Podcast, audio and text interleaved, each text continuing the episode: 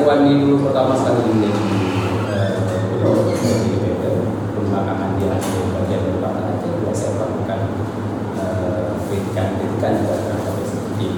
Tetapi eh, mungkin bedanya dengan sekarang, kritikan-kritikan yang saya lakukan itu eh, atau pemikiran-pemikiran yang saya utarakan dulu itu medianya saja yang berbeda.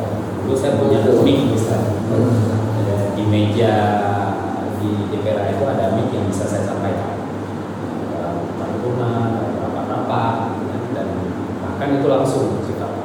Berarti nyinyir dalam tanda kutip bukan hanya di medsos sebelumnya di sebelumnya juga memang udah ketika ada nggak beres Ya, saya dianggap mungkin di DPR orang paling nyinyir gitu, terhadap kinerja pemerintah. Eh, bahkan ada beberapa isu yang saya angkat di dalam medsos sekarang itu sebenarnya pernah saya angkat juga dalam rapat-rapat dengan mitra, dengan dinas, dengan gubernur. Itu pernah saya angkat. Misalkan contoh eh, kasus B. Blok B itu beberapa kali pernah saya suarakan di dalam paripurna. Saya ingatkan dari masa Irwandi, dari masa eh, bahkan Dr. Zaidi pernah saya utarakan dalam rapat dengan dinas. Tapi dengan gubernur langsung Irwandi lewat eh, di paripurna dan Pak Nova juga di dalam paripurna pernah saya sampaikan. Dan kemudian ketika eh, tidak lagi di dewan, eh, saya butuh eh, saluran juga untuk eh, bisa eh, apa, mengeluarkan pikiran-pikiran saya dan saya mengambil eh, Facebook sebagai salah satu media media sosial untuk eh, media penyaluran itu dan Banyak mas, efektif, efektif ya banyak yang ini berarti lebih efektif karena ternyata ketika eh, di DPRA itu sifatnya sangat elit ruang paripurna pun walaupun sifatnya sangat eh, terbuka umum Ya. dan semua masyarakat kemudian melihat eh, rapat-rapat tersebut pun ada diberitakan oleh eh, media media ternyata dia hanya mengambil angel-angel yang menurut mereka isunya Menarik, ya. menarik. terkadang yang kita sampaikan menurut kita menarik belum tentu menurut wartawannya menarik Berarti di dalamnya juga pertarungan juga ya. Di dalam di dalam parlemen termasuk pertar- pertarungan juga. Ya, karena kan biasanya kalau di dalam paripurna itu semacam ada kebiasaan ya, kalau di DPR itu setiap ada yang mulai interupsi pasti ada yang lain-lain juga ada yang interupsi Sesama sesama sama anggota. Ya, misalnya gitu sesama satu partai pernah nggak saling bersinggungan juga saling eh, apa namanya nggak ada Ada kalau interupsi di dalam paripurna itu tentunya eh, hal-hal yang perlu kita biasanya bukan perdebatan dengan eh, sesama anggota. Tapi kalau rapat-rapat di dalam eh, sidang-sidang lain misalkan di badan musyawarah, di rapat komisi segala macam itu biasa terjadi perdebatan. Eh, Kadang-kadang alot, ya. bahkan kadang-kadang sesama partai juga ya sesama partai bahkan mohon maaf ada insiden misalkan eh, terbang Papua misalkan itu biasa di dalam rapat biasa ya eh, selesai rapat selesai dan itu tidak terpublis itu bukan cuma Aceh aja kayaknya kalau di mana-mana gitu kan. Betul. Nah sekarang isu yang paling yang paling abang apa namanya yang paling kamu cari eh, getol hajar negas ini isu apa nih hari isu hari ini yang paling paling terakhir. Pada prinsipnya sebenarnya sama eh, benang merahnya adalah kinerja Pak Novel Desa selaku eh, PLT Gubernur hari ini, kan, yang eh, tentu di belakang beliau ada eksekutif ada apa, ada pemerintah Aceh nah eh, dan fokusnya pasti tergantung si- situasional eh, hari itu secara umum yang paling panjang saya komentari adalah terkait dengan kinerja pemerintah Aceh dalam hal menangani COVID-19. Di dalam sela-sela itu ketika isu misalkan eh, Blok B kita kita suarakan juga, Eh, tapi kalau terkhusus masalah eh, sapi itu memang sengaja saya buat momen isunya. Jadi biasanya saya menunggu eh, isu yang sedang dibahas di media. Tapi kasus sapi itu eh, saya mengangkat. Saya mengangkat ke permukaan supaya bisa Itu- dalam bulan sambut. Abang dapat dari mana itu isu sapi ini? nah, jadi sapi ini eh, bagian dari eh, UPTD-nya dinas peternakan. Kebetulan saya itu di komisi dua. Pernah beberapa kali dibahas masalah eh, sapi ini dan saya tahu sudah sangat bermasalah dari tahun 2017 walaupun pada waktu itu dengan kewenangan yang ada saya di komisi dua sebagai ketua gitu, diskusinya lebih kita pada mencari uh, solusi terhadap Iya. masalah. Nah karena saya sudah di dalam tentunya uh, saya tidak bisa masuk dalam bagian memberi solusi lagi, tapi yang uh, uh, ya saya mengambil segmen untuk mengingatkan Hmm. bahwa ini ada masalah yang harus diselesaikan. Jadi hal-hal yang kemudian menyangkut dengan permasalahan hukum eh, akibat eh, tidak terselesaikannya eh, orang di itu. Nih ini menarik masalah sapi kan. Ada eh, sebagian besar orang beranggapan Nur Zahri mengkritik eh, PLT eh, dan PLT panik. Tapi ada pihak pihak lain lagi yang mengatakan seperti ini settingan. Masa sih orang dikritik keras langsung jalanin apa yang dikritik gitu kan? Ya nggak? Jadi kita harus akui Pak, kita harus akui ini setiap kritik-kritik Zahri di medsos itu dilakukan sama PLT, direspon. Artinya kalau tanda kutip beliau dengar kan? Ya memang tujuannya seperti itu. Kritikan yang kita lakukan kan itu supaya ada perhatian dari pemerintah dan ada perubahan dari pemerintah. Dan kenapa harus izin? Karena saya melihat eh, tipikal Nova ini mohon maaf sepertinya harus dengan pola nyinyir baru beliau eh, aware eh, kritikan. Kalau kritikannya sangat soft, eh, kritikannya dalam bentuk narasi-narasi yang lembut, eh, itu banyak dilakukan oleh pengamat-pengamat politik lain, bahkan di media-media kita eh, tidak mendapat respon. Sebelumnya pernah nggak sebelum nyinyir-nyinyir ini di medsos pernah nggak sebelumnya secara personal komunikasi sama beliau lewat WA misalnya telepon Eh, semenjak saya tidak lagi DPR nggak pak? Tapi sebelumnya pernah kan Eh, s- sewaktu DPR pernah tapi nggak nggak lewat eh, media ya langsung.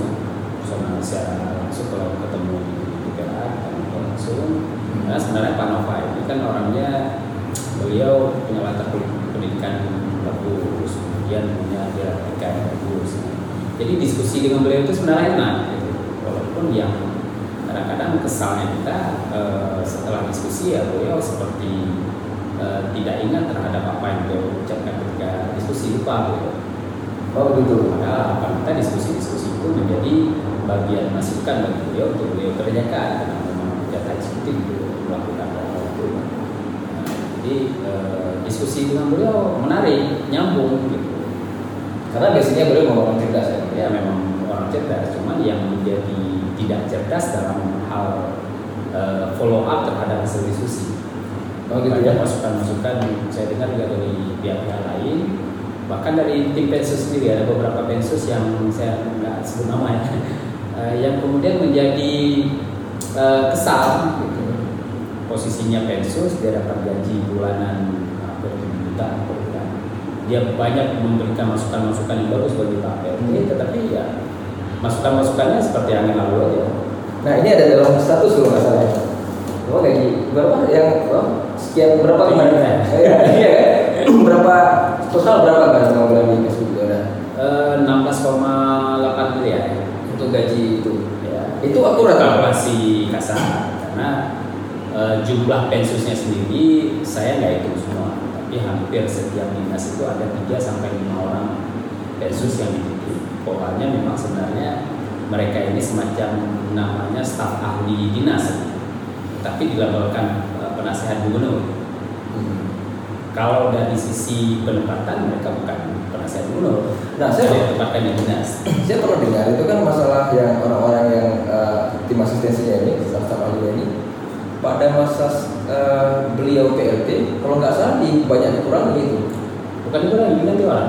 Diganti orang? Diganti. Itu- Itu beberapa orang yang kemudian dikeluarkan, diganti baru. Itu jumlahnya malah bertambah. Saya tahunya di pembahasan terakhir di anggaran 2020 itu kan kelihatan semua di hampir semua dinas itu ada titipan-titipan eh, staf ahli ya yang eh, judulnya staf ahli bukan pensiun staf ahli eh, dengan biaya gaji 7 juta Tapi kalau kompeten kan nggak apa-apa. Nah, mekanismenya kita nggak tahu. Mekanisme rekrutmen segala macam kita nggak tahu. Yang kita tahu ada beberapa sosok yang kita kenal yang menurut kita kalau latar pendidikannya nggak betul di bidang itu.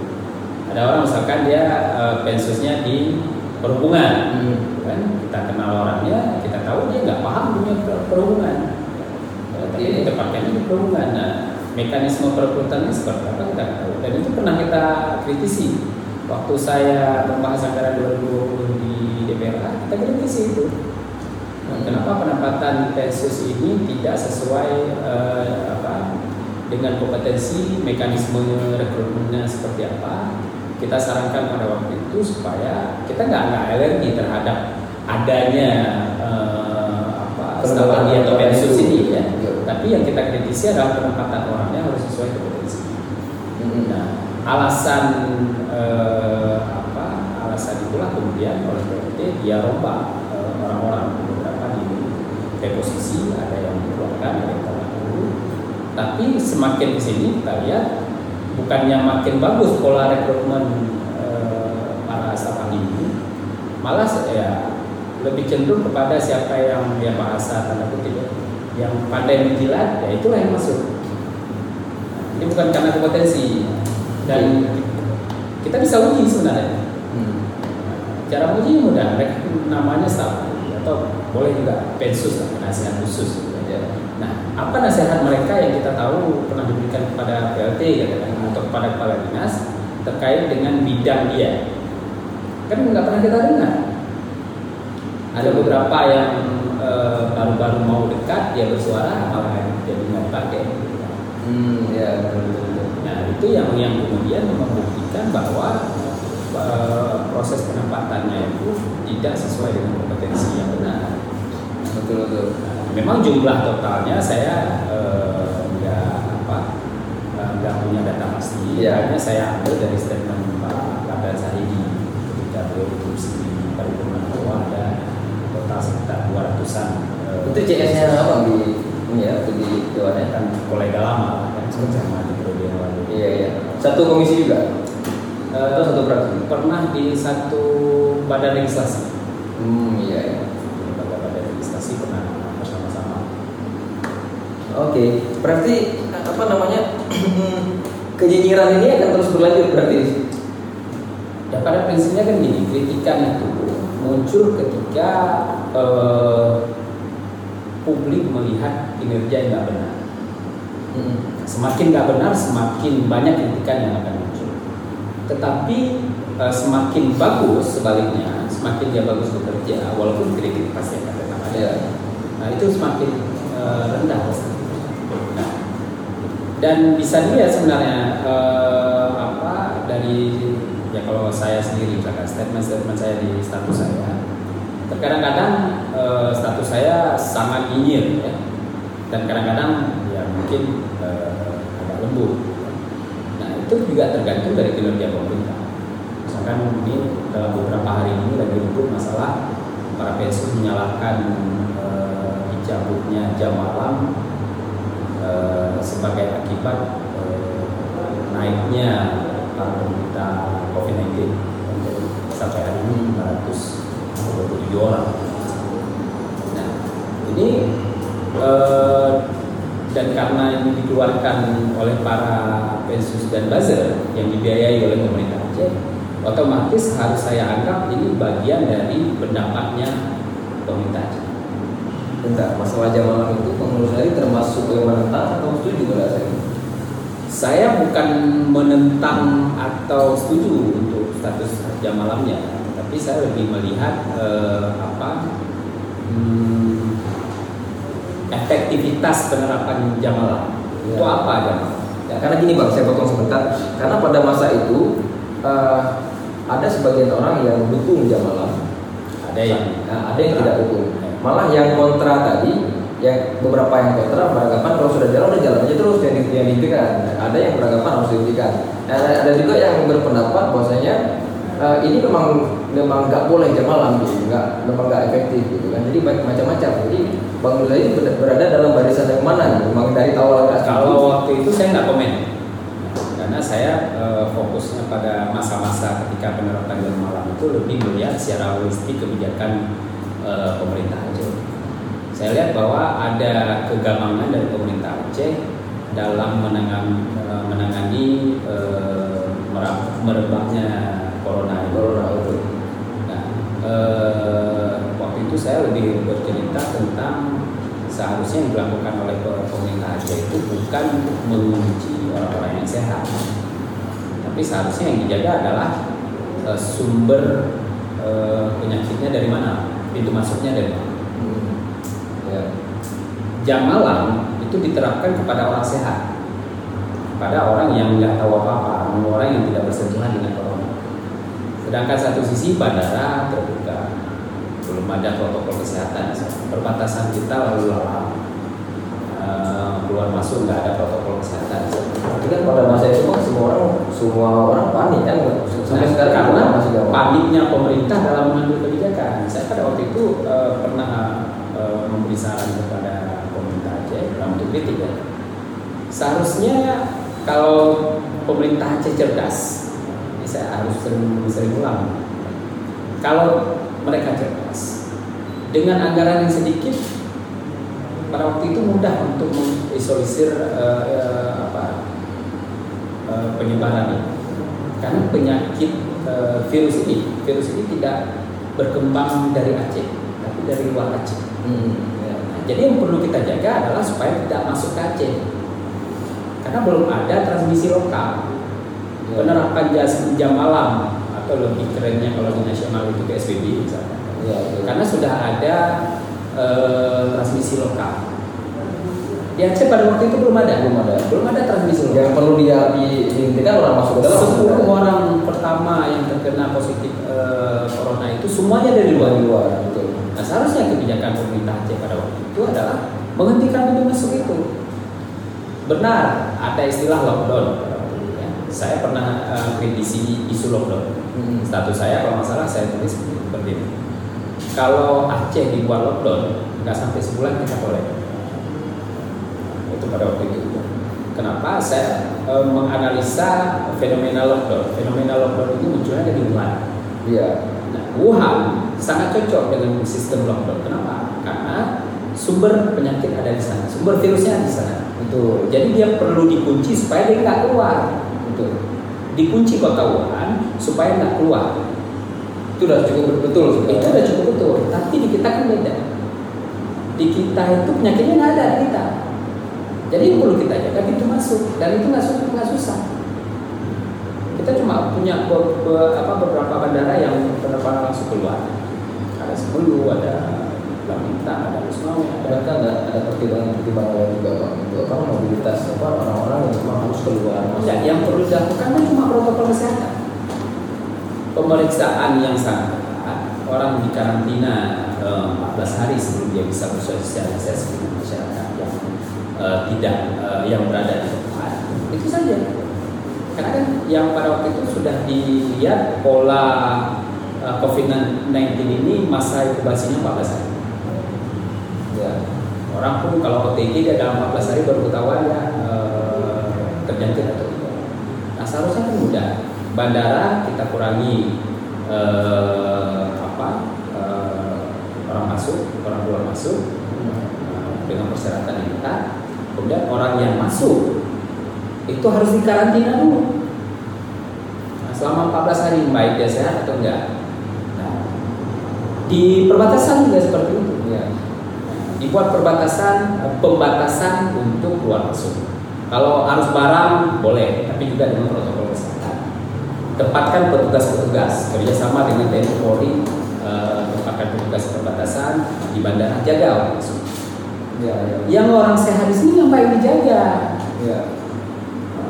Ini kan salah, tapi orang sehatnya dijaga. Kita disuruh lockdown di rumah 14 hari nggak boleh keluar, tapi orang keluar masuk di bandara di perbatasan harus masuk. Betul. Dan itu yang kemudian mereka membawa itu kan sebelum eh, eh, untuk keluar masuk aja kan ada surat itu dulu ya ada surat. Belakangan kan? Belakangan, ya. ketika jam malam ini diterapkan belum ada. Hmm ya jam malam diterapkan masyarakat eh, tidak boleh keluar malam tetapi di bandara keluar masuk tanpa protokol kesehatan. Setelah dicabutnya jam malam baru kemudian muncul kebijakan protokol kesehatan itu pun dari pusat bukan dari kita. Bukan dari pemerintah kalau jam malam tadi itu sejak diterapkan sampai dicabut itu berapa lama tuh Eh, kalau nggak salah cuma dua minggu ya Dua minggu.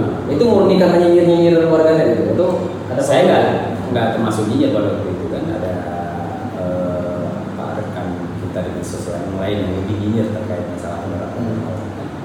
dan saya pikir logis apa yang dia sampaikan bahwa eh, kalau tujuan jam malam adalah untuk tidak adanya penyebaran eh, COVID-19 tentunya itu salah total Ya. belum ada penelitian, belum ada survei yang mengatakan bahwa eh, dengan ada jam malam tidak menyebar. Ya. Ya. Karena corona ini kan nggak tahu siang malam, mau siang hari mau malam sama aja. Malam orang dikurung, yang siang kan tetap keluar. Ya betul.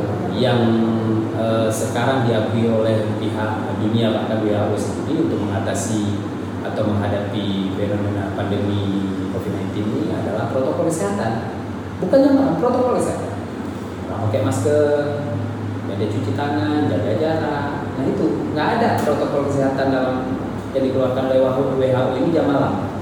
Apalagi Aceh pernah trauma Betul. Betul. sama-sama konflik sama trauma dengan kondisi jam malam. Gak sedikit ada Jadi kebijakan yang salah kemudian ya dikritisi oleh publik yang sangat wajar.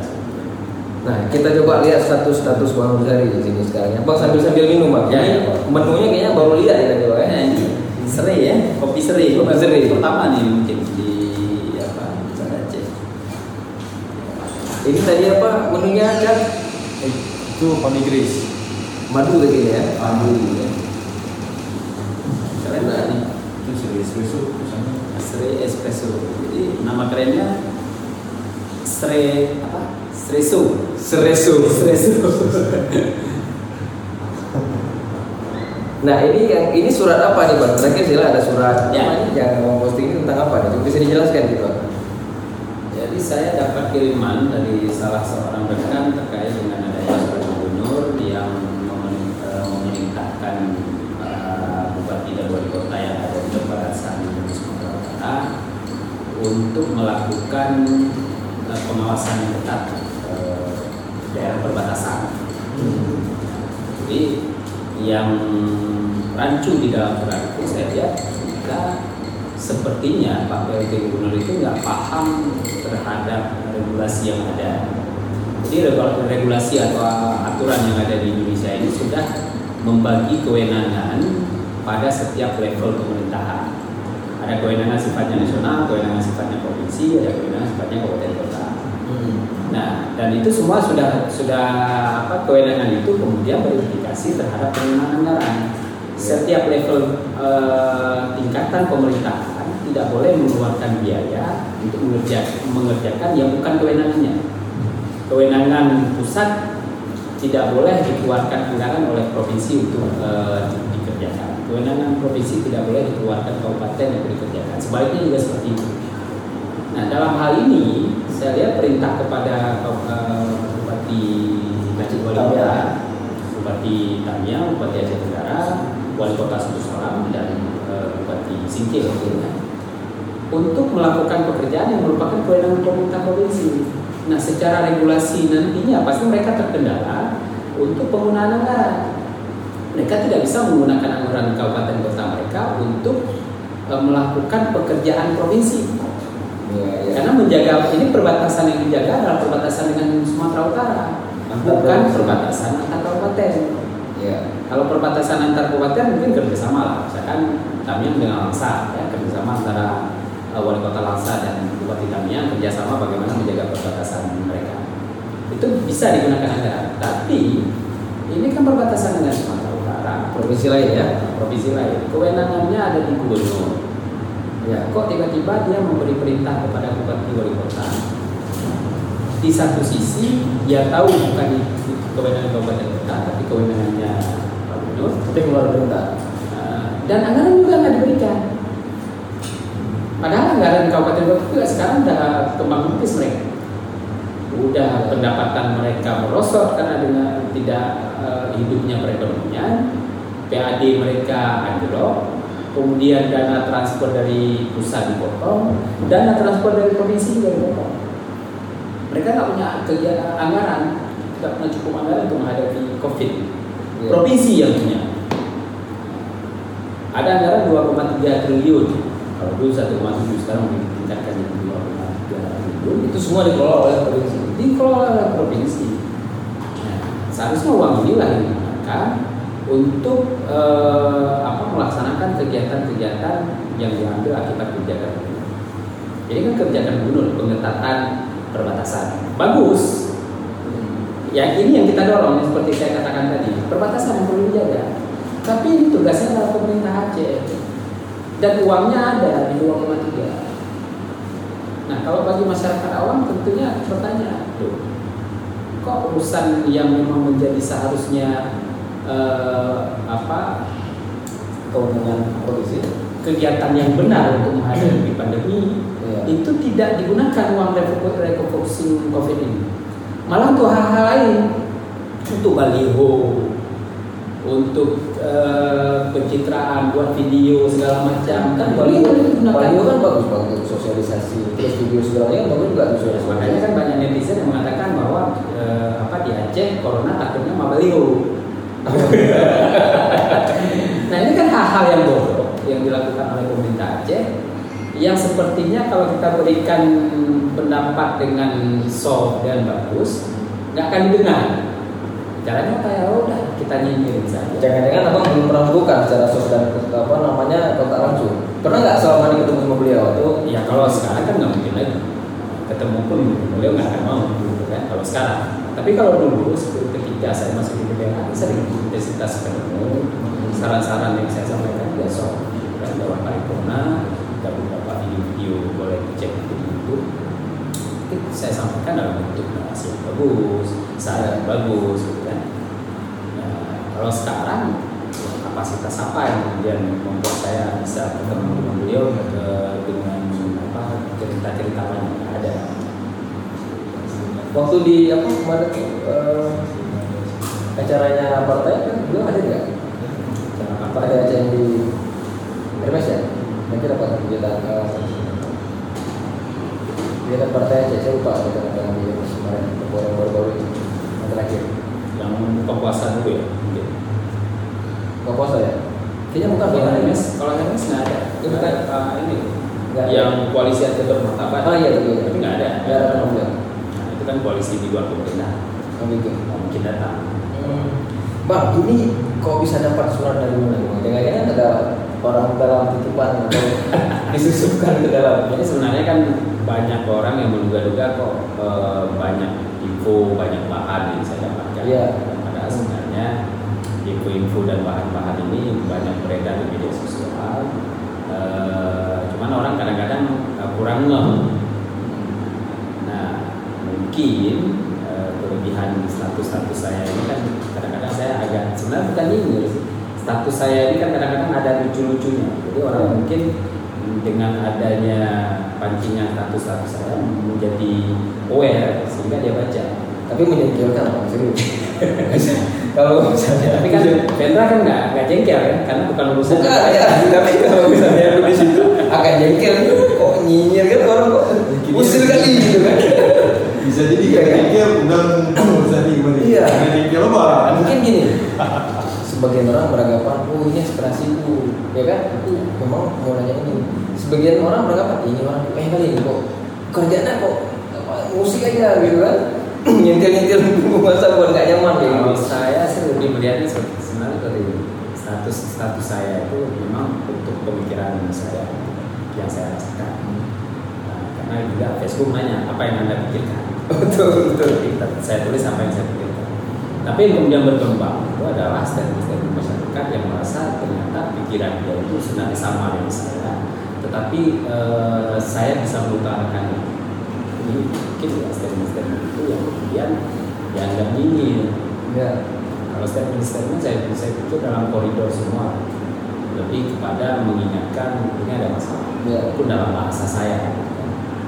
Harapan saya sebenarnya ya pemerintah Aceh uh, aware kok ada masalah ini harus kita selesaikan. Tapi ternyata kan enggak. Para buzzer contoh masalah sapi ketika saya sampaikan. Padahal waktu itu saya cuma memposting berita di sebuah uh, media online. Nah, judulnya saya cuma saya posting saja tapi kemudian ada bantahan dari buzzer bahwa itu berita bohong hoax dan segala macam yang bantah belakangan bukan saya juga, tapi netizen yang buat bukti Nah, yang ya. buat bukti ada netizen yang datang ke lokasi langsung, dia mau buat live segala macam. Nah, itu sebenarnya yang buat itu yang memancingnya saya. Ya. Artinya, artinya kan eh, niat baik dari pemerintah juga ada. Kalau pemerintahnya tutup mata, pemerintahnya anti kritik, tentunya nggak akan peduli. Kan banyak kan kayak Kalau saja, kalau saja permasalahannya di eh, apa merupakan respon pertama yang dilakukan eh, oleh pemerintah Aceh atau Pak PLT eh, terhadap masalah itu eh, dianggap benar, tentunya masalah itu selesai. Contoh, misalkan ketika isu naik masalah sapi, langsung Ya. pada hari yang sama eh, Pak Sekda minimal turun atau Pak PLT turun, itu selesai. Itu selesai. Tapi kan belakangan, belakangan sudah ada bantahan dari dinas, Ada pembelaan dulu ya. bahasa bahwa itu hoax dan segala macam sehingga para netizen geram dengan bantahan itu membuat pembuktian sendiri. Ketika sudah terbukti nyata benar seperti itu kejadian, baru beliau turun. Nah Ya. ini kemudian membuat orang misalnya menjadi kesal. Memang benar beliau udah turun, tapi eh, sebelum beliau turun ini kan sudah ada kekesalan duluan. Iya. Sehingga pun turun beliau diingirin oleh. Ya. Apa sih salahnya? Emangnya area itu jauh jauh sekali, satu jam perjalanan. Nah, kalau kita misalkan isu itu muncul kemudian langsung ada respon cepat dari pemerintah untuk menyelidiki, paling minimal memerintahkan inspektorat. Nggak pasti PLT juga kan turun ke situ. Memang PLT punya perangkat, ada perangkat-perangkat yang yang bisa digunakan. Salah satunya inspektorat. Coba inspektorat turun selidiki apa yang terjadi. Dari laporan kita sampaikan kepada clear. Malah masyarakat akan eh, memberikan Jempol. salam, jempol. Nah, makanya bahkan kadang-kadang eh, apa pola nyi- nyinyirnya Pak netizen karena yang nyinyir bukan saya cuma ada banyak netizen itu karena respon eh, pemerintah Aceh terutama Pak PLT itu yang menurut kita itu salah Hmm. saya malah sempat eh, memberikan apa, eh, sempat kaget terhadap pernyataan Pak PLT di Aceh Tenggara. Pak, Pak PLT pernah turun ke Aceh Tenggara, dia pernah dihadang itu oleh, oleh demo di sana, eh, oleh. Nah setelah itu beliau eh, memberikan statement dalam pidatonya bahwa beliau berterima kasih terhadap kritikan-kritikan yang masuk ke beliau. Beliau akan berusaha eh, semaksimal mungkin untuk bekerja untuk kemaslahatan rakyat dan mohon maaf apabila ada kekurangan-kekurangan. Nah, pada waktu itu saya kaget sebenarnya. Wah ini Pak PLT sudah berubah, Pak Novanto sudah berubah, dan itu yang kita harapkan. Jadi jangan dianggap kritikan-kritikan ini eh, karena kebencian beliau kan, Justru karena karena aware kepedulian ya. karena kita peduli terhadap apa yang beliau lakukan makanya.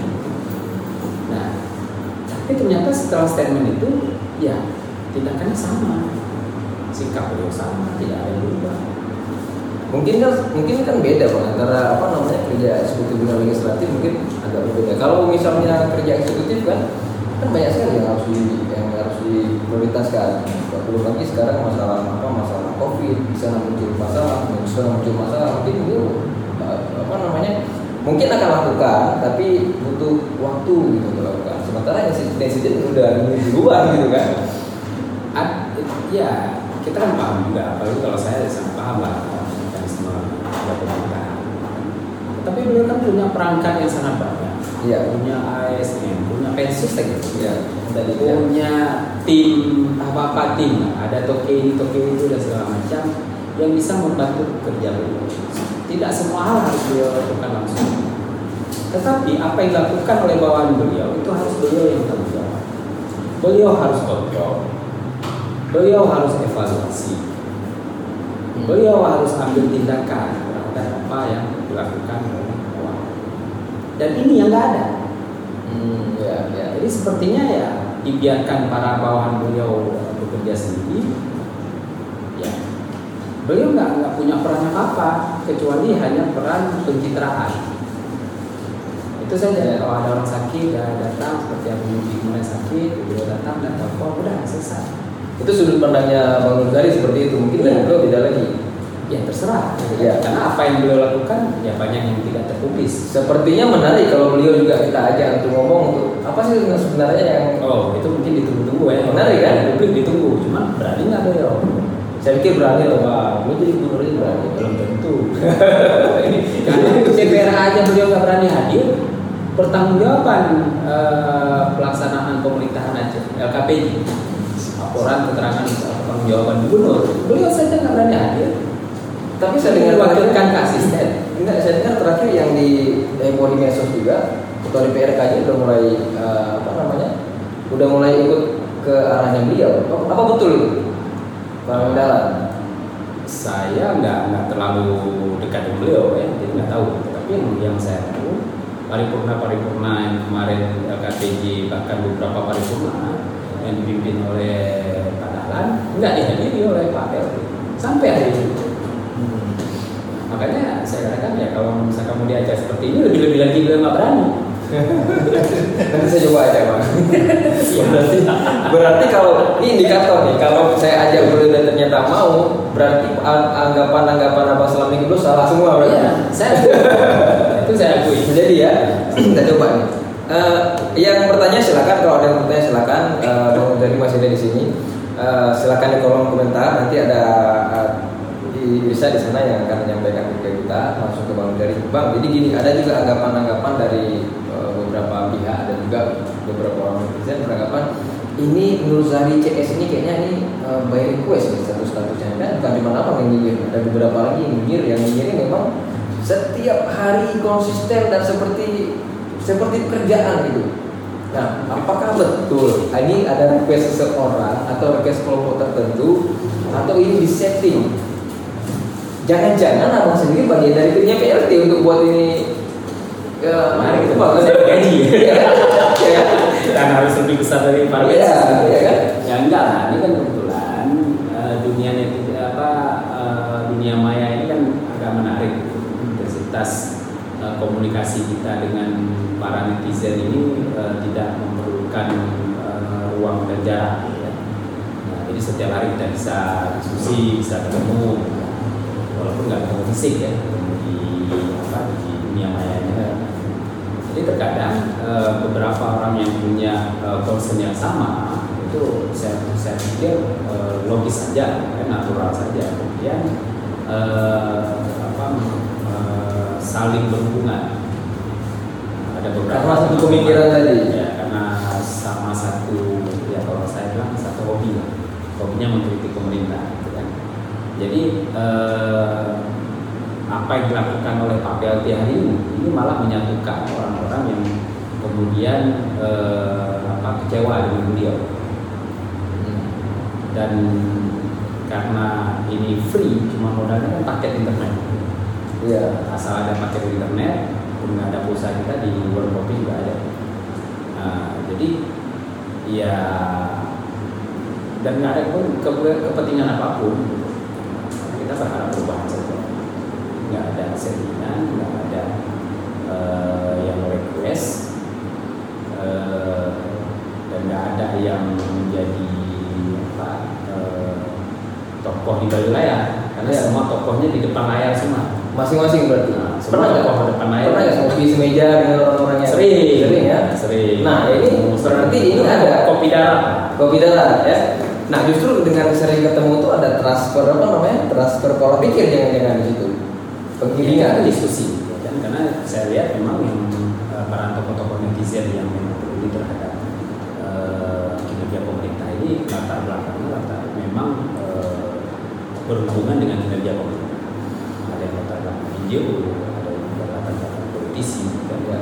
ada masyarakat terdampak dari kebijakan jadi eh,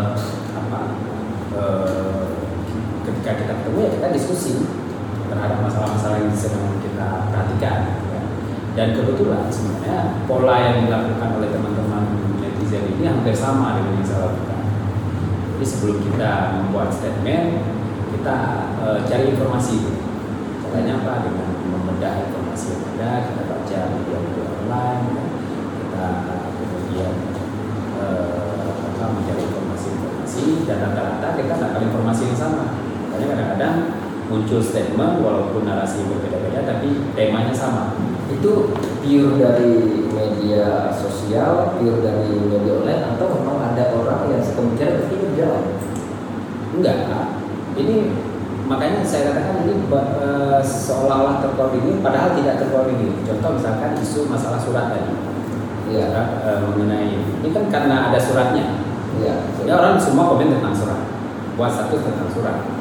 Kemudian masalah isu jamalah, ada salah satu pensus yang kemudian dia membuat isu ter- terhadap bahwa eh, apa penyebaran COVID ini peningkatan ini karena eh, malam. Dan dia menyerang orang yang eh, kontra terhadap jam malam. Nah isu ini kan ditangkap semua orang. Nah, ya, semua mengomentari isu itu dengan pemikirannya masing-masing di dalam status. Jadi terkesan seolah-olah terkoordinir, padahal enggak. Enggak sebenarnya Ya, karena ada isu muncul. kan. Kemudian misalnya isu sapi gitu. Nah, jadi awalnya saya, Iya. kemudian yang lain juga ikut komen, ikut buat status. Nah, karena eh, mereka juga eh, concern terhadap itu dengan narasi dia yang berbeda-beda. Ya. Jadi bukan eh, by request. Nah, malah kalau saya katakan pasti eh, ada pola yang apa namanya yang yang yang sangat mirip Hmm. dan ini kelihatan di buzzer. Contohnya apa? Eh, begitu ada apa, narasinya sama. Status eh, si buzzer A dan si buzzer B dan si buzzer C itu sama titik koma. Nah ini settingan. Ya. Nah, kalau kita kan enggak. Saya memandang misalkan eh, surat ini dalam konteks masalah kewenangan Ya. ada orang lain melihat bahwa dalam konteks wah ini Pak PLT asik buat surat aja. Ya. Masalahnya surat tetapi eh, titik fokusnya beda-beda. Ya. Saya menarasikan tentang eh, ke- kewenangan Ya. orang masalah kesukaan PLT buat buat surat, Buat surat. masalah buat surat, buat surat cinta untuk perawat, untuk tenaga medis, kan? Untuk eh, orang apa rakyat Aceh di Malaysia, nah, buat buat suratnya. Dia fokus ke sana. Saya nggak fokus itu, saya fokus konten suratnya, Isinya ya. isinya. Jadi ini ada yang komen nih bang dari Iqbal lebih tajam langsung daripada buat satu CV kemarin. itu ya habis itu yang kedua udah bisa undang-undang teman aktivis dulu nih dari Nabi Setia Raya kan. Ini bang, ini kejam sekali status. Kepanikan pemerintah Aceh dalam menghadapi COVID-19 seolah-olah untuk pembenaran agar kuburan massal bisa terisi penuh.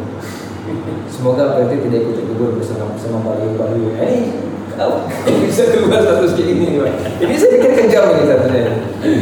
Memang status penra itu di situ juga ini status terpencari. Iya betul, komen saya kan. Jadi saya eh, kadang-kadang kita buat status dalam kondisi emosional yang berbeda-beda ya. Lagi keselnya level 1 ya, statusnya ya seperti level 1 kalau itu kebetulan memang lagi levelnya level 8 Apa ya? Berarti sesuai dengan suasana hati. Statusnya. Di level 8 saya melihat ternyata pemerintah panik sendiri eh, melihat meningkatnya para penderita pasien COVID. Tapi dia cuma panik saja nggak buat eh, kebijakan lain. Kebijakan yang kita tahu ya ukuran massal karena ketika kita cek misalkan masalah APD bermasalah para tenaga medis dan para medis kita tidak mendapatkan APD yang standar untuk penanganan virus. Eh, kita cek kenapa nggak ada anggaran. Kita cek kemudian ya, apa dana intensif eh, bagi tenaga medis yang dijanjikan kemudian adanya protokol kesehatan bagi para medis yang menangani covid tidak diberikan penginapan. Itu nggak ada. Yang ada cuma baliho-baliho. Nah, makanya saya narasikan saja eh, paniknya pemerintah Aceh yang ada eh, kuburan massal terus baliho ya udah saya kombinasikan. Tiga masalah itu dia muncullah. Eh, Kalimantan tuh. tapi itu memang menurut saya eh, apa namanya ya memang kuburan massal itu banyak pro kontra juga. Maksudnya itu eh, respon cepatnya pemerintah untuk mengantisipasi ada yang beranggapan seperti itu. Ada juga yang beranggapan ini sepertinya sudah pasrah gitu kan. Ada juga ada juga yang beranggapan loh ini kok nakut-nakutin masyarakat gitu kan. Ada juga jadi beda-beda. Ada yang beranggapan waduh ini cepat nih. Kan gitu jangan sampai nanti begitu ada ya korban baru dari tanah gitu kan jadi bermasalah gitu. Nah, kalau saya sebenarnya waktu itu ini, ini kan juga saya termasuk yang respon pertama terkait dengan statement kuburan masyarakat. Karena sebenarnya mengenai kuburan rumah sakit itu dari di pembahasan di DPR sudah sering disampaikan. Eh, rumah sakit rumah sakit eh, tipe A, A, B dan C ya, C itu memang butuh rumah sakit, butuh kuburan untuk pasien-pasien yang bermasalah. Eh, untuk apa orang pasien-pasien meninggal yang bermasalah. Misalkan korban tabrak lari dia nggak punya identitas, nggak tahu keluarga, ya dia harus dikuburkan. Cara kuburkan ini mana? Ya, dikuburkan dulu di kuburannya rumah sakit. milik rumah sakit Tapi JA kita nggak punya. Oh ya, kuburan, nggak ada. nggak punya kuburan. Dan itu nggak pernah diusulkan. Nah, tiba-tiba dalam kondisi kepanikan ini mereka ceritanya ke itu dulu.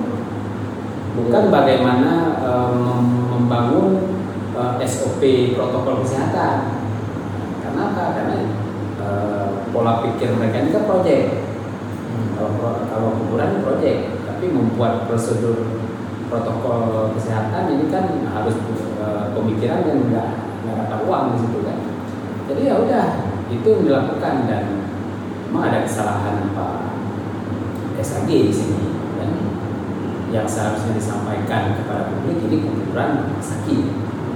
Bagi rumah sakit JA yang akan dikubur siapa pun. Pasien sebenarnya yang jadi masalah kata-kata masalah itu sebenarnya. Ya, beliau menyampaikan mungkin dengan semangatnya karena mungkin beliau tanda kutip ya eh, trauma dengan tsunami ada Bisa jadi, beberapa bisa tsunami. jadi. Ya.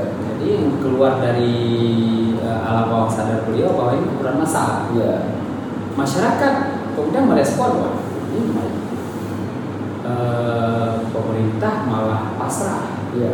karena satu sisi tidak ada tindakan lain untuk menghadapi corona tapi setiap yang kita adalah kuburan massal Mungkin kesulit ya. Karena saya yang ini saya kenal SAG. psikologisnya Pak SAG. Bisa jadi, karena saya duga Pak SAG ini trauma dengan tsunami. Bisa jadi. tsunami. Bisa jadi plus ya. Karena menurut saya, saya Mohon maaf Pak, Pak SAG ya. Ya, ini teman kita juga menurut saya, nih, saya, saya kenal baik beliau. Yang Saya kenal Pak juga. Iya kan? Ya. Men- Menurut saya beliau ini sebagai juru bicara udah cukup mahir lah. Atau dia dia belum ada duanya kan, betul nggak? Ya, semahir-mahirnya orang berbicara kadang-kadang kita Plus ya juga. eh, apa mengungkapkan apa yang ada di alam bawah sadar. Makanya saya juga di Pak ini ada ada traumatiknya dengan kuburan Betul, massal. betul, betul. Ya, aku banyak kejauhan orang sama beliau karena Nah, kayak mahal Pak SAG. ya saya juga minta maaf dulu. Karena ya saya pikir sebagai jubir beliau sangat matang sebenarnya dan dan bukan beliau beliau sosok jubir yang secara emosional sangat eh, Matang, ya? stabil ya Stabil, dibandingkan dengan yang satu lagi. Iya, maksudnya. Ya. Ya sebenarnya sama-sama punya kapasitas lah ya. Nah ini eh, staff udah ada yang nanya ada di situ? belum Belum ada ya. Kalau yang mau nanya, silakan nanya. komentar aja dua Ya, orang kalau masalah kenapa lebih kritis langsung karena memang kapasitas eh, di Facebook status Facebook itu kadang-kadang terbatas gitu ya. Eh, kalau saya mau lebih senang buat kalimat singkat bisa hurufnya besar kan tapi eh, jumlah perkataannya kan terbatas apa semua. Bang sebagai pegiat medsos yang memang apa namanya sangat aktif sekarang hari ini, tentunya banyak banyak kali nih informasi yang masuk yang membaca di medsos segala macam terutama tentang covid yang ada.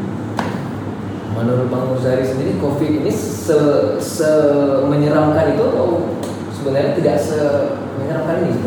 Gimana sebenarnya menurut pandangan pribadi Bang Muzari?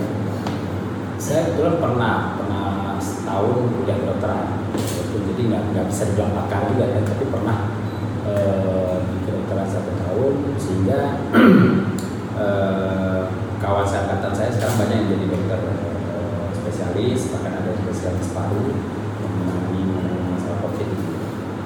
Saya juga seorang apoteker. Nah, jadi saya diskusi dengan mereka. Sebenarnya eh, tidak ada yang apa membedakan antara virus ini dengan virus-virus lainnya. Semua virus e, berbahaya. Ya. Bahkan kalau kita buat status level berbahaya lebih lebih berbahaya e, Ebola dan e, HIV sebenarnya. Nah kalau ini kan sama dengan e, SARS, virus flu ya. Yang membuat panik adalah proses penyebarannya yang sangat cepat Eh, dan proses penemuan obat ataupun antivirusnya tidak secepat penyebarannya. Hmm. Ini kemudian membuat orang takut, jadi takut terhadap sesuatu yang uh, ini lumrah manusia. Ya. Manusia itu takut terhadap sesuatu yang dia nggak tahu cara menghadapinya. Nah, istilahnya kalau orang di Aceh misalnya gini, orang Aceh takut dengan maut, tahu nggak maut? Hantu ya? Nah hantu. Kenapa takut? Karena dia nggak tahu mau itu seperti apa. Ya. Bentuknya seperti apa yang ada dibilang dulu PKJ dengan nama mau. Sehingga orang aja orang anak-anak terutama itu takut. Hmm. Nah ini gitu juga ketakutannya karena manusia tidak tahu cara menghadapinya awal-awal ketika virus ini merebak sehingga terjadi kepanikan luar biasa di seluruh dunia. Tapi seiring berjalan berjalannya waktu manusia sudah bisa menghadapi uh, eh, COVID-19 ini. Buktinya di sini. Kemarin contoh nyata Abu Mudi masuk uh, karena dia COVID dua hari sembuh keluar.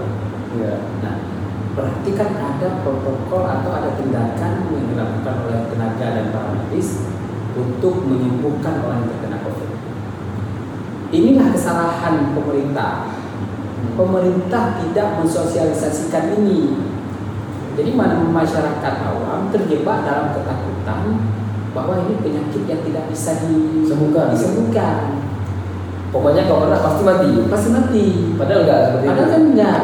Tingkat kematian dan tingkat kesembuhan kalau di Aceh lebih tinggi tingkat kesembuhan. Betul. Itu keberhasilan loh. Berbeda ketika pemerintah, termasuk ini pemerintah Aceh sendiri ya. dalam menghadapi virus HIV virus HIV dalam uh, programnya pemerintah dia sosialisasikan bahwa ini HIV jangan dijauhi. Uh, dia ada apa? Uh, ada tindakan-tindakan medis dan ada obat-obatan yang bisa diberikan sehingga dia nggak mati langsung. Ya. Nah, sehingga masyarakat juga tidak terlalu uh, takut kepada virus HIV seperti takutnya manusia kepada COVID kemudian misalkan apalagi ya ada kusta misalkan ini penyakit yang yang dari dulu uh, menjadi momok gitu masyarakat ya. tapi uh, pemerintah membuat program lokalisasi masyarakat kusta itu dibuat dalam satu perkampungan dikasih obat-obatan TBC gitu juga ya. selalu sosialisasi tagline di tenaga kesehatan di dinas kesehatan uh, eh, TBC dapat disembuhkan Nah, sehingga orang nggak terlalu takut lagi kepada TBC. Ada penderita TBC, paling dia tahu oh, kalau ada orang TBC berarti kita jangan menggunakan uh, peralatan yang digunakan oleh uh, orang yang sakit tersebut. Dan kalau kita udah punya gejala, kita langsung ke puskesmas terdekat ada obatnya. Kita kan nggak terlalu takut, malah setelah dua minggu udah nggak terlalu lagi. Nah, ya. Nah COVID-19 ini awal-awalnya siapa nih kita nggak tahu, tapi sekarang kan ada. Sudah bisa adaptasi misalnya. memang nggak ada obatnya tetapi sudah ada tindakan yang bisa menyembuhkan. Obat penyembuh belum ada.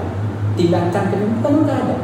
Kenapa ini nggak disosialisasikan ya. supaya masyarakat paham bahwa oh penyakit ini sudah bisa kita hadapi. Ya ada cara-caranya ya. Ini kan psikologis manusia. Manusia tetap dia takut terhadap sesuatu yang nggak bisa dihadapi dan dia nggak takut terhadap sesuatu yang bisa dihadapi.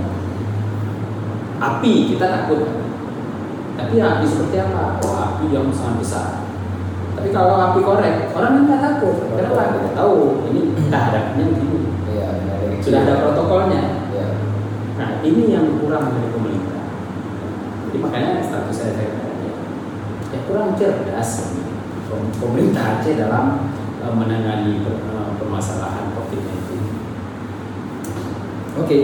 uh, eh, kan apa namanya Eh, sebagai pegiat media sosial juga kan banyak sekali uh, yang kita lihat di apa namanya beredar di media online, media-media mainstream juga seperti media sosial kan berubah-berubah nih tentang covid ini tentang apa namanya dulu kan dari droplet katanya terus heboh segala macam itu WHO sendiri sebenarnya gampang nih jadi ya jangankan uh, pemerintah kita dunia pun gampang untuk hal itu gitu kan dan bahkan Ya. ada- sek- sekarang makin banyak yang nggak percaya loh. Nggak percaya bahwa ini seolah-olah ini cuma tidak seberbahaya itu. Mengada-ngada saja. iya. Nah karena kan seperti itu, jadi orang melihat eh, hebohnya pertama ketika ada video-video orang tumbang, orang mati, itu bukan sebenarnya. Itu kita nggak tahu, tapi itu yang membuat heboh orang takut. Tetapi ketika orang melihat, terutama orang di Aceh, awalnya eh, ketika merebak ada beberapa kasus di Aceh, kita terus terang saya sendiri menjadi galau. Saya lockdown di rumah sampai dua minggu, eh, buat kopi sendiri itu di rumah nggak keluar keluar. Tapi belakangan kita lihat, kok ada orang sembuh. ya Nah, sehingga saya berpikir bahwa oh ini sudah bisa dihadapi. Obatnya belum ada tapi sudah bisa. Saya cek ke teman-teman saya yang, eh, dokter. Eh, ada pola-pola misalkan peningkatan eh, imunitas tubuh, dikasih vitamin-vitamin. Obatnya nggak ada emang, tapi intinya penguatan eh, tubuh untuk menghadapi penyakit sehingga sembuh. Sehingga ada keyakinan bagi saya, oh sudah aman, sudah bisa dihadapi masyarakat aja sudah seperti itu. Begitu- Begitu dilihat ada yang sembuh, baru turun tingkat kepanikan betul Tapi tingkat kepanikan di pemerintah nggak turun. Ya, Galau dia. gitu ya bang ya Ini yang, yang kita lihat sampai hari ini. Makanya kan seolah-olah panik. Apa yang panik? Oh benar memang sampai 537 orang hari ini. Bang. makin tinggi namanya tetapi tingkat eh, apa kematiannya kan tidak selalu eh, penyang- eh, apa angka positifnya angka positifnya walaupun memang kita paham masalah terkait dengan penanganan ke 200 orang ini Betul. Malah secara persentase dari angka yang banyak uh, korban sedikit artinya persentasenya makin turun kan? makin turun nah, Betul, memang benar bahwa menghadapi pasien 500 orang ini kita kelabatan nggak punya ruangan eh, kapasitas tenaga dan para medisnya menjadi kurang dan segala macam iya di situ gitu. tapi kan nggak perlu sampaikan ke publik kita panik Iya betul. cuman coba kita lihat aja apa yang dilakukan Pak Ferdi langsung panik dia panik para buzzer menyalahkan ini menyalahkan itu Iya. kan. jadi masyarakat makin makin apatis pada satu sisi kita orang Aceh cerdas jadi jangan-jangan memang sebenarnya ini bukan batu covid ini batu memang Jadi itu sebenarnya sering buat lega. Oh jadi yang buat lega ya? Nah, jadi kadang-kadang eh, apa yang dihadapi oleh masyarakat dan apa yang dipikirkan oleh pemerintah ini nggak nyambung. Nah, pola, mohon maaf saya eh, apa melihat kebiasaan pemerintah ini bukan salah Pak PLT, tapi ada salahnya Pak PLT. Salahnya apa? Dia nggak kontrol bawah. Iya. Permasalahan ini terjadi di para ASN. ASN ini tipikalnya ketika ada masalah, masalah itu menjadi da- data. Data itu Ya. diolah menjadi program, program itu dikalkulasi anggaran. Ini pola pikir ASN. Dan ini salah. Menggunakan para ASN menghadapi pandemi tetap nggak akan selesai masalah. Karena polanya kembali ke data, data diolah menjadi program, program kali anggaran. Evaluasinya apa? Serapan anggaran.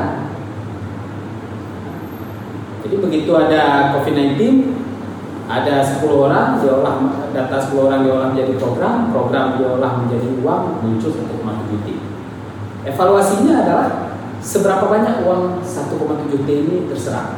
Bukan evaluasinya adalah seberapa menurunnya tingkat eh, apa eh, penyebaran COVID. Ini pola yang ada di pemerintah. Nah, ketika anggaran 1,7 T habis, apa yang dilakukan oleh ASN nantinya? Yang dilakukan nantinya adalah olah data.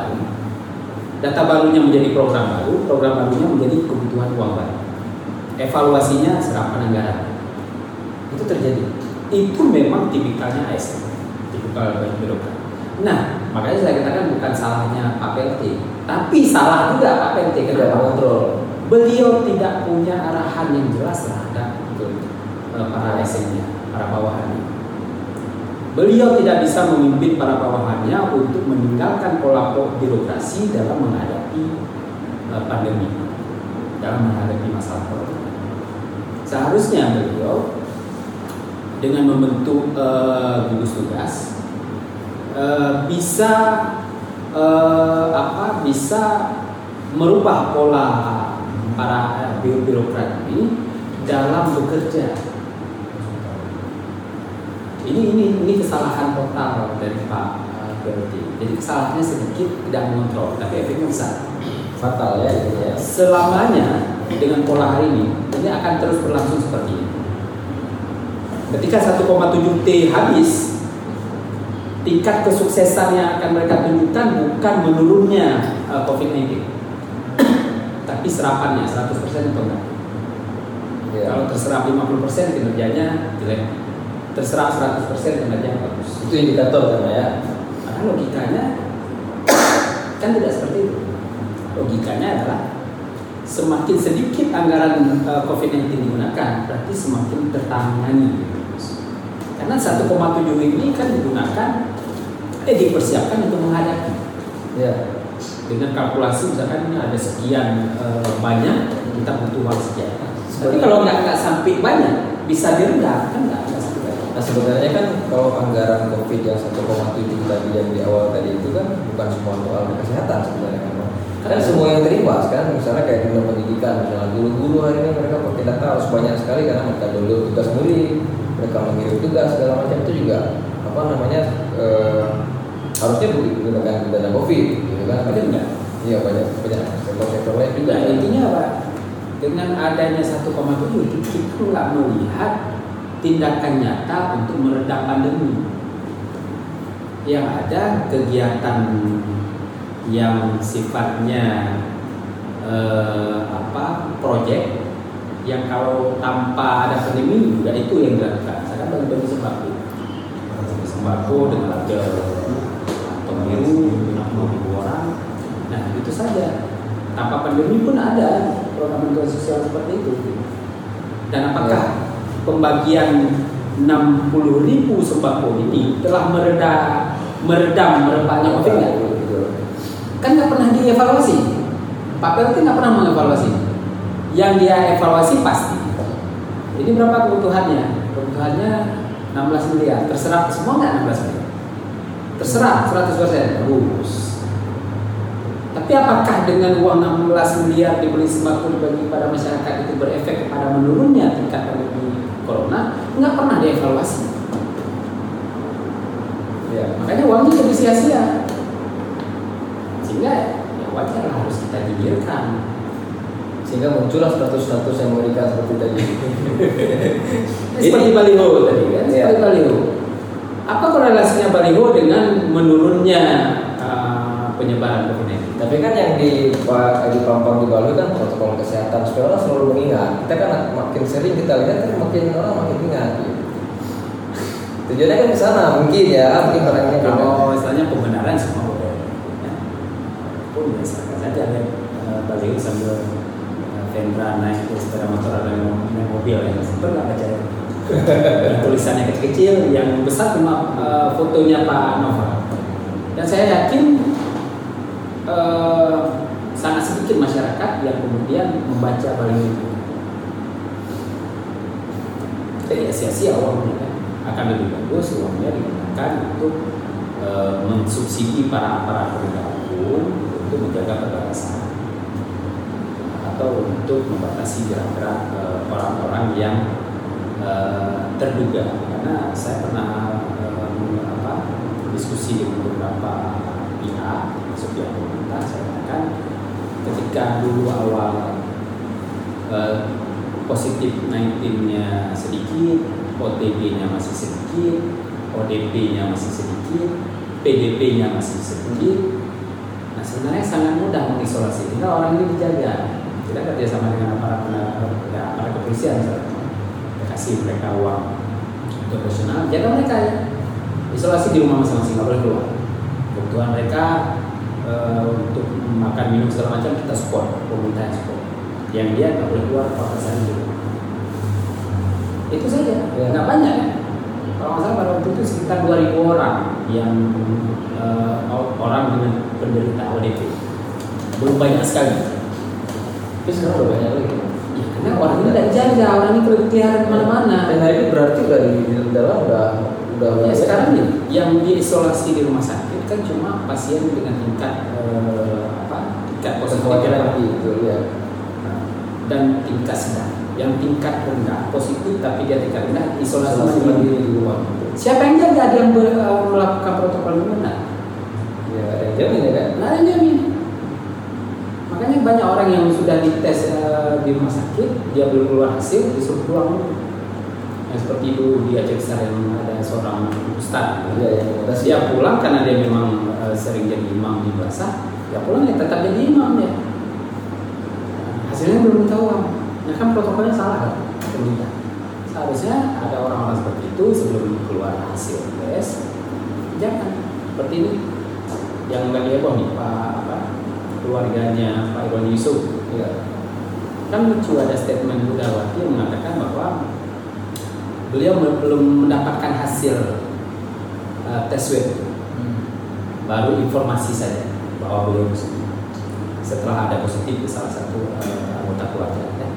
tapi saat beliau membuat status itu dalam kondisi tidak ada perintah apa pun kecuali beliau inisiatif isolasi mandiri tapi kan nggak ada yang jamin Iya. ini satu keluarga positif ada nggak mikir bahwa pun satu keluarga mereka tetap makan Iya. siapa yang beli, eh, belanja di pasar Gitu.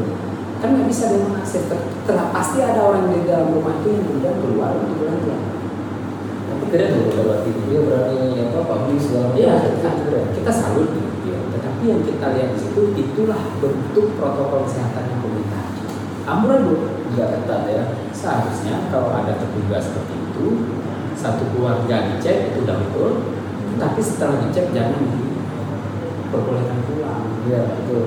harus ada hasil dulu baru ambil tindakan. Kalau dia negatif silahkan kalau dia positif isolasi oleh pemerintah. Ya. jangan mandiri. Karena kalau mandiri pemerintah nggak tanggung siapa yang belanja. Siapa yang beli beras siapa yang beli ikan. Oke kalau punya kita punya stok. Tapi kita punya stok rata-rata orang lima hari Iya. kalau habis stok siapa yang beli Pasti anggota keluarga salah satu keluar lagi. pun kita telepon eh, kalau di Jakarta mungkin bisa kita belanja online ya. Eh, lewat eh, apa eh, ojek online misalkan kalau beli ini ini, ini antar gitu kan. tapi kan dia jadi interaksi lagi dia ke pasar belanja interaksi. Memang mungkin nggak mudahnya. Tapi kan pasti ada orang dalam rumah itu yang akan belanja seharusnya pemerintah dalam protokol menghadapi ini ya seperti itu kalau ada satu keluarga ya isolasi satu keluarga ini pemerintah punya perangkat yang kemudian menyediakan kebutuhan sehari-hari Buat mereka. mereka Mereka betul-betul dijamin mereka tuh isolasi mandiri. Isolasi nggak mandiri. sama siapa pun. Nah ini cuma label aja isolasi mandiri, tetapi dalam kebutuhan-kebutuhan terpaksa dia keluar. Kalau enggak, meninggal Kalau, apa? kalau dari angka yang yang sebanyak itu ya butuh tenaga yang banyak kali bangsa itu untuk untuk Ini kan karena kondisi cerita hari ini yang saya sampaikan tadi ketika dulu masih sepi. ya betul Saya waktu itu pernah kalkulasi lah dengan beberapa aparat eh, penegak hukum kita hitung. OTG waktu itu kalau nggak salah baru sekitar seri- eh, seribu atau dua ribuan. Kalau dua ribuan OTG berarti kan personal dua ribu orang. Kita kali aja ini satu mewakili keluarga, berarti satu orang satu rumah. Ada dua ribu rumah saja yang perlu kita jaga. Selain perbatasan, ya, perbatasan juga kita jaga ketat. gitu kan. Nah, dua ribu eh, rumah ini kan cuma dua kompi saja yang perlu kita turunkan. Satu rumah satu polisi jaga. Ada eh, perangkat yang kemudian menyediakan kebutuhan ya. Ya. makanan. Yang orang ODP ini nggak boleh keluar sampai bisa dibuktikan dia sudah eh, negatif. Tapi nggak dilakukan. Hari ini sudah nggak mungkin. udah terlalu banyak lah ODP hari ini kan sudah ratusan ribu kalau di Aceh. Ya, kita nggak tahu. positif. Ini kan nggak diumumkan malah ODP-nya. yang diumumkan cuma positif aja. Positifnya 537 berarti kalau dulu 10 2000 ya sekarang kali aja. Ada sekitar ratusan ribu orang yang eh, terduga ya nggak mungkin lagi kita jaga. Saya juga pernah sekali buat status gitu soal soal ini kalau nggak salah saya. Waktu dianggap angkanya sedikit saya nggak percaya karena ya karena itu nggak nggak dites. Malah saya dari awal kalau menurut saya ya kalau dites dari awal itu udah banyak yang kan karena nggak dites. Nah, waktu itu kan saya juga kritisi. ya Rata-rata yang ketahuan positif itu ketika dia sudah eh, sakit parah. Sedangkan protokol ke- kesehatan yang, kita sarankan untuk dilakukan di perbatasan itu tidak dilakukan. Nah, sebetulnya dengan pengetatan ini kan yang dilakukan eh, di perbatasan itu semua orang di rapid test. Paling minimal ya, reaktif langsung swab. Orangnya diisolasi. Nah, tapi ini kan nggak dilakukan, cuma periksa surat. Saya dengar-dengar surat sekarang malah berlakunya untuk eh, satu bulan, 15 hari. Terlalu surat itu Nah, dan saya, saya dengar surat itu bisa dibeli misalnya pernah dipesan gitu. ya, ada beberapa kawan yang keluar dari kita dengar-dengar aja ya. Tapi intinya gini, pun dia tes benar. Kalau berlaku 15 hari, siapa menduga setelah dia tes dia terjangkit? Siapa yang jamin? Tidak terjangkit. Karena dia tes kan nggak di tempat. ya bukan nyampe ke bandara Pulau Bintang langsung dites rapid enggak dia ditesnya sebelum beli tiket ya siapa yang menjamin dia tidak terjangkit dengan orang yang dalam pesawat setelah dia masuk ke dalam Nah, dalam pesawat ada asupan tadi Nah, begitu dia sampai di sini nggak ada nggak ada pemeriksaan apa pun kecuali cek suhu badan. Iya iya. Ini yang kemudian eh, apa eh, saya cek juga teman-teman pengalaman teman-teman yang di sana termasuk di sini. Nah kita cek dulu ke tempat yang melakukan cek eh, tes eh, rapid bandara dan beberapa eh, apotek setelah itu pulang. Ya. Jadi nggak langsung berangkat. Besok atau lusanya baru berangkat. Kita kan nggak menjamin setelah dia cek pagi itu sorenya dia interaksi dengan pasien yang positif. Iya. Betul betul. Makanya nggak terkontrol. Dan sepertinya pemerintah nggak terlalu peduli di situ karena nggak ada program. Nggak ada sesuatu yang yang bisa apa diambil keuntungan fee di situ. Nih curiga lagi nih tapi kalau buat sembako itu kan ada fee-nya. Kita tunjuk di pabrik padi ya, pabrik gelang padi ya. Untuk eh, beli apa minyak goreng. Ini ada curiga lagi. Nih ini enggak jadi kenapa ini yang saya menarik ke MAISO 8 dari 10 real aja tidak percaya adanya corona. Ini kan ini kalau nggak salah direktur yang bicara ya direktur yang bicara. Survei masalahnya. Enggak survei lah hasil survei? Iya sudah survei. Itu hasil survei saya lupa nama lembaganya saya oh ya ada lembaga survei ya? betul. Ya, di sebuah berita saya, saya lihat ada hasil survei yang mengatakan 8 dari 10 rakyat Aceh tidak percaya dengan corona. Tapi ada kawan buat survei sendiri pribadi dia beberapa dari beberapa responden ternyata sebaliknya. 80% masyarakat itu percaya. Cuma agak masa bodoh hari ini dengan kondisi hari ini dan, dan bahkan ada juga yang percaya uh, bahwasanya mungkin kita sudah kena tapi karena imunitas tinggi jadi nggak nggak terlalu bisa- seperti itu kita tahu. status saya itu saya ambil dari berita hasil survei ada di sebuah media saya lupa eh, nama lembaga surveinya ada. Oh, ada ya, berarti- beberapa teman-teman netizen yang juga eh, mengangkat isu sama yang sama bahkan eh, beritanya diposting. Berarti memang beliau bicara atas dasar uh, lembaga survei. Oh gitu. Jadi berarti masyarakat itu nggak percaya, ya? bisa dibilang nggak percaya. Ya, itu kan hasil survei saya nggak nggak bilang. Mas saya bilang ya itu.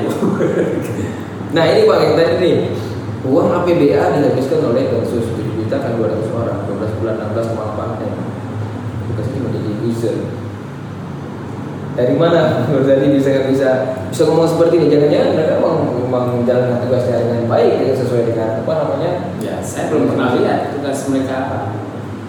Ya, pernah ada terpublis apa yang mereka eh, kerjakan. tapi angka 200 orang ini valid atau 200 orang ini kan saya ambil dari statementnya Pak Pradhan, Pak Pardhan Sahidi yang di dalam paripurna. ya Jadi saya nggak mau berdebat di benar atau tidaknya, nanti silahkan tanya saja ke Pak Pardhan Sahidi, mungkin beliau punya datanya. Dan itu masuk di beberapa media. ya. Jadi ya saya ambil, tapi 7 jutanya memang saya tahu karena saya pernah bahas. pada itu membahas pada masa itu Memang anggaran DJP kan 7 juta. Jadi tinggal dikali-kali aja sederhana. Oke. Nah, mengenai tugas jadi buzzer ya memang seperti itu ya. Kita lihat beberapa pensus ya memang eh, tugasnya seperti ya seperti jadi buzzer membela PLT membela Aceh. Dan eh, dalam pembahasan dulu ketika saya mengisi menjadi anggota DPRA saya pernah tanya ke kepala dinas pernah nggak mereka masuk? Dan jawabannya hampir semua rata mereka nggak pernah masuk nggak ada mekanisme eh, absensi. Semua ASN sekarang absensinya sih jadi Iya. mereka nggak ada. Nggak ada eh, ruangan nggak ada kantor. Jadi yang ada pengakuan para kepala dinas ya mereka datang ketika ambil gaji. Jadi kerjaannya ya pengakuan para kepala dinas nggak ada kerjaan mereka. Karena pun di eh, nomenklatur di dinasnya adalah tenaga ahli tapi mereka eh, apa merupakan pensus yang diangkat langsung dengan SK PLT dan bertanggung jawab bertanggung jawab langsung ke PLT. Ini eh, 200 orang pada masa eh, setelah pilgub atau Dari masa Irwandi ini masa Irwandi. Kalau masa Dokter dan Wali nggak ada. ya maksud saya di masa Irwandi ini Dari udah masa pernah, Irwandi. udah pernah diganti kan kalau salah saya sempat dengar itu eh, PLT Pak PLT pernah sangat apa namanya sangat eh, strict soal ini dan beliau mengatakan ini harus dikurangi ini menghabiskan anggaran. Saya pernah dengar itu. Dan Eh. mereka akan, akan beliau akan potong banyak sekali orang. Saya dengar seperti itu karena ini eh, realita yang ada? Nah, realita yang ada karena waktu terakhir pembahasan anggaran beliau mengajukan eh, jumlah eh, anggaran dan jumlah personil tenaga ahlinya dengan angka yang sama, Ma- malah bertambah, malah bertambah di beberapa dinas bertambah, yang biasanya tiga jadi lima. Nah, jadi eh, kita kritisi di paripurna terakhir kita itu anggaran 2020 untuk dikurangi dan untuk eh, diuji kembali kompetensinya. Ya.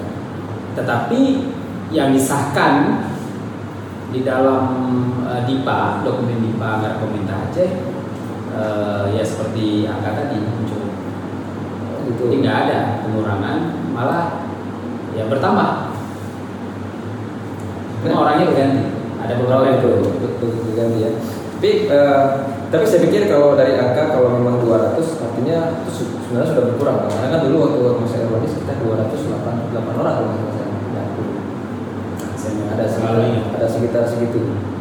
Nah ini saya lihat ada foto abang sama bang Bardan ini sama-sama tukang gebrak meja pada nah, bedanya yang satu masih di dalam dan masih gebrak meja yang satu sudah di luar cuma bisa gebrak di Facebook bagi yang belum kenal ini saya perkenalkan. Nama beliau Bardan Saidi asli daerah dataran tinggi Gayo dan telah dua periode di DPRA dari fraksi PKS kalau urusan memperjuangkan kepentingan dataran tinggi Gayo beliau suka gebrak-gebrak meja secara konsisten.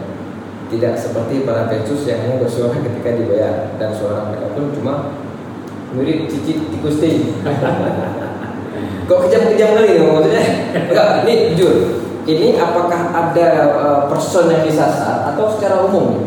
Secara umum. secara umum tidak ada person yang disasar saya kan nggak pernah sebut orang nggak ada pernah karena ini para pensus ini kan tersebar di beberapa dinas gitu kan. Kan nggak saya pernah serang misalkan eh, pensusnya dinas A atau dinas B. Tapi secara umum memang hampir semua mereka itu kerjanya sama. Ya. Kerjaannya nggak pernah masuk cuma ambil gaji per bulan datang hanya untuk ambil gaji saja tapi saya kenal beberapa dari mereka dan saya pikir mereka cukup coba tanya absensi ada nggak Enggak maksudnya gini, saya kenal beberapa dari mereka eh, sering diskusi juga. Saya pikir mereka cukup cukup eh, Ya kapasitas mungkin ya. ada. Saya akui ada beberapa orang yang kapasitas ya saya kenal. Tapi eh, polanya sama, terikut-ikutan dengan yang lain. Namanya ada di dinas tertentu, seharusnya seharusnya dia punya tanggung jawab absensi sama dengan para ASN lainnya. Absen pagi dan sampai sampai sore hadir di kantor, memberikan eh, apa laporan kerja, punya kertas kerja. ya. Tapi mereka kan nggak ada. Asal kita ketemu semua di luar kopi semua. Pernah nggak melihat mereka di dinas itu? Saya nggak pernah. Enggak, tapi kan Dan mereka nggak pernah isi absen. Ya, tapi budayanya orang Aceh kan memang di warung kopi. Bahkan banyak kebijakan-kebijakan yang penting juga lahir kan di warung kopi, bang. Termasuk kebijakan untuk Tapi kan mereka punya kewajiban ketika dia di sana. Makanya kan kita minta itu itu kepada PT kita nggak alergi terhadap yang namanya Pesus atau eh, tetapi dibuatlah SOP-nya kan? bagaimana pola kerja mereka apa eh, output yang yang kita harapkan dari kehadiran mereka karena mereka di- digaji dengan uang rakyat 16,8 miliar itu uang rakyat. Uang rakyat ini bukan hanya untuk dibagi-bagi saja harus bisa dipertanggungjawabkan. Mereka udah terima kita nggak pro- nggak protes nggak iri tapi apa feedback yang mereka berikan kepada betul. rakyat dengan mereka ambil gaji itu? Itu harus bisa diukur. Nah dan kalau perlu mereka publis loh. Kalau saya misalkan eh, pensiunnya di dinas perhubungan ya, publislah apa yang saya lakukan di dinas perhubungan apa pemikiran-pemikiran saya yang saya berikan kepada dinas perhubungan itu baru kemudian rakyat menjadi ikhlas terhadap uang yang di- diambil oleh yang bersangkutan setiap bulannya karena itu bukan uang mereka ya itu uang rakyat Betul, Bang. Jadi eh, kita masih punya waktu nggak ya? Udah, kayaknya udah Sudah sama ya. Nah, Bang, jadi ini pesan Bang Nurzari untuk para netizen lainnya nih. Pesan Bang Nurzari untuk para netizen netizen lainnya, baik itu yang pro maupun yang kontra. Berarti ada dua pesan. Bagi yang pro apa pesannya, bagi yang kontra gimana pesannya? Pengen Bang? Ya bagi saya, eh, saya aktif di medsos sebenarnya sudah lama. Internet muncul, ada eh, apa, dunia maya. Cuman memang eh, belakangan tidak saya gunakan sama seperti akun ini tidak saya gunakan karena memang saya punya media media lain yaitu media di eh, sidang-sidang DPR. Nah, yang intinya inti yang saya lakukan bahwa ini kan hanya alat saja. Gunakanlah alat ini untuk bisa bermanfaat bagi eh, semua. Minimal bermanfaat bagi diri sendiri. Nah, yang saya gunakan hari ini itu adalah harapannya ini bisa bermanfaat kepada perbaikan di pemerintah. Dan saya juga berharap ada beberapa netizen juga eh, saya akui terkadang tidak menggunakan eh, apa aturan-aturan dan norma yang ada dia memaki-maki gitu kan. Eh, sebenarnya ya kita marah biasa bisa marah Tapi. Bang tetap tidak setuju dengan pola maki ya. pola-pola seperti itu jangan kemudian juga ada mengenai isu yang eh, rasis kan Ya. maaf ini Pak PLT dari dataran tinggi Gayo kemudian ada beberapa netizen yang eh, apa rasis saya, saya pikir itu tidak dewasa. Jangan. Berarti Ya, tidak setuju juga juga. saya tidak setuju. Dan bagi para yang kontra dengan status-status saya ya saya cuma ingin menyampaikan bahwa eh, ini karena saya peduli kepada pemerintah Aceh karena saya peduli masih saya kritik tapi kalau sudah nggak peduli ya seperti masa konflik kita dihanguskan Masa bodoh gitu ya.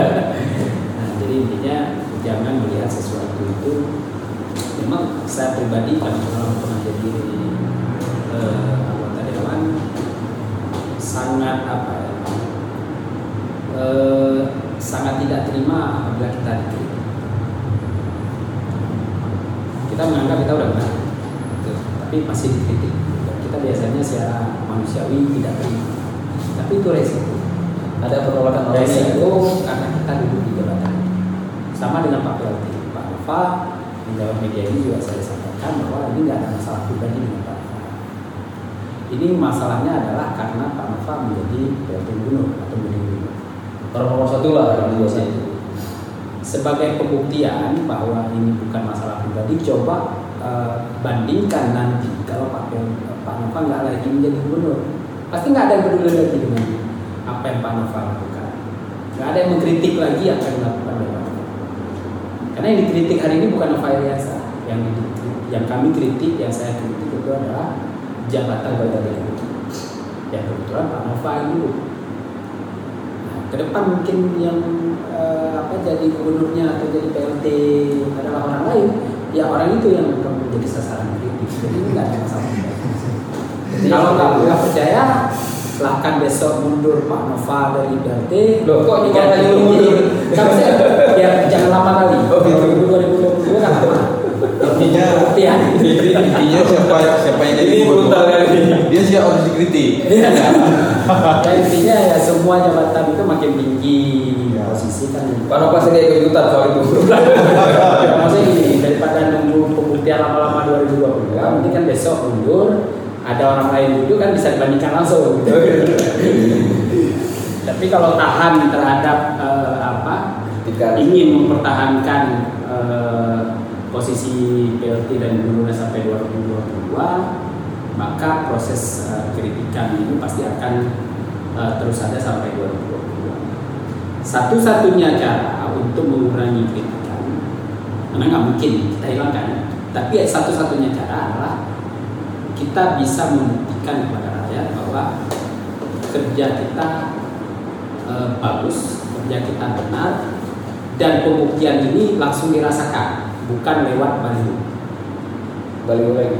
bukan baliho ya. Jadi misalkan rakyat puas, saya puas, netizen puas, pasti kritikan ini akan Intinya tiga kali, nanti kali balik ya. Oke, Bang Nurzali, terima kasih banyak waktunya ya. Eh, apa namanya sudah mau hadir di podcast yang sederhana ini. Mudah-mudahan ketemu lagi, Bang. Kalau ada yang Pak PLT tadi ya. Kalau, kalau misalnya Podcastnya bertiga dengan Pak PLT enggak? Nggak jadi. sebenarnya saya pengen tiga tuh dengan satu. Atau mungkin Bang Nurzali pengen ketemu beliau. Kita saya fasilitasi. Ya nggak apa-apa. Kalau misalnya nanti ada eh, kemungkinan kita ketemu lagi, ketemu lagi. Karena memang banyak yang minta, banyak yang minta coba Bang Nurzali ajak ngomong dengan sebagai pegiat medsos mereka eh, beliau sangat getol kritik pemerintah hari ini gitu. Nah akhirnya hari ini sudah hadir di sini. Mudah-mudahan ke depan ada lagi orang-orang yang peduli dengan eh, apa namanya Aceh kita tercipta dengan pola tentunya yang berbeda-beda. Ada polanya yang soft, ada polanya yang keras, ada polanya yang eh, frontal macam-macam. Kalau beliau termasuk polanya yang nyinyir ya. Bukan saya dulu. Kalau saya nggak nyinyir. Bukan ini. Oke, terima kasih banyak Bang udah ini ngobrol-ngobrol hari ini dan ini menarik Bang. Hari ini kita dapat menu baru di Koberika Cafe. Apa tadi namanya? Ini Grace. Oh, oke, nggak ngerti namanya kan. Andy Grace. Oh, itu kopi seri ya. Itu Andy Grace. Stresu, stresu ya. Seri so, kopi seri campur espresso dan ini menarik. Honey Grace. Sangat direkomendasi. Saya nggak pernah tahu di sini ada ada minuman-minuman seperti ini. Ini tidak apa minuman Itu sanggar dari. Koberika, Koberika. khas Koberika ya. Ya. Kayaknya kita bisa balik Yang jelas ini eh, rasanya eksotik. mantap ya cakep jadi kayaknya kita bisa harus balik lagi di sini untuk kopi ini saya pertama ngopi di sini Eh, beliau juga sama pertama ya. kayaknya kita akan balik lagi bagi netizen ya yang ngefans ke beliau ataupun yang kontrak ke beliau Gak ada masalah, silakan ngopi di sini karena kafe ini bukan punya beliau. Oke, Bang, terima kasih banyak, Bang. Oke. Assalamualaikum warahmatullahi wabarakatuh. Salam. Oke. Tadi ya nyentil gak sih kan? nyentil gak sih? Aku nggak tahu ini sedap nggak nih. Dia pri tadi. Tapi pas kali yang menutup tuh ya siapapunnya pemimpinnya harus ya kena kritik. Itu aja. Iya lah. Gitu. Saya bilang ya.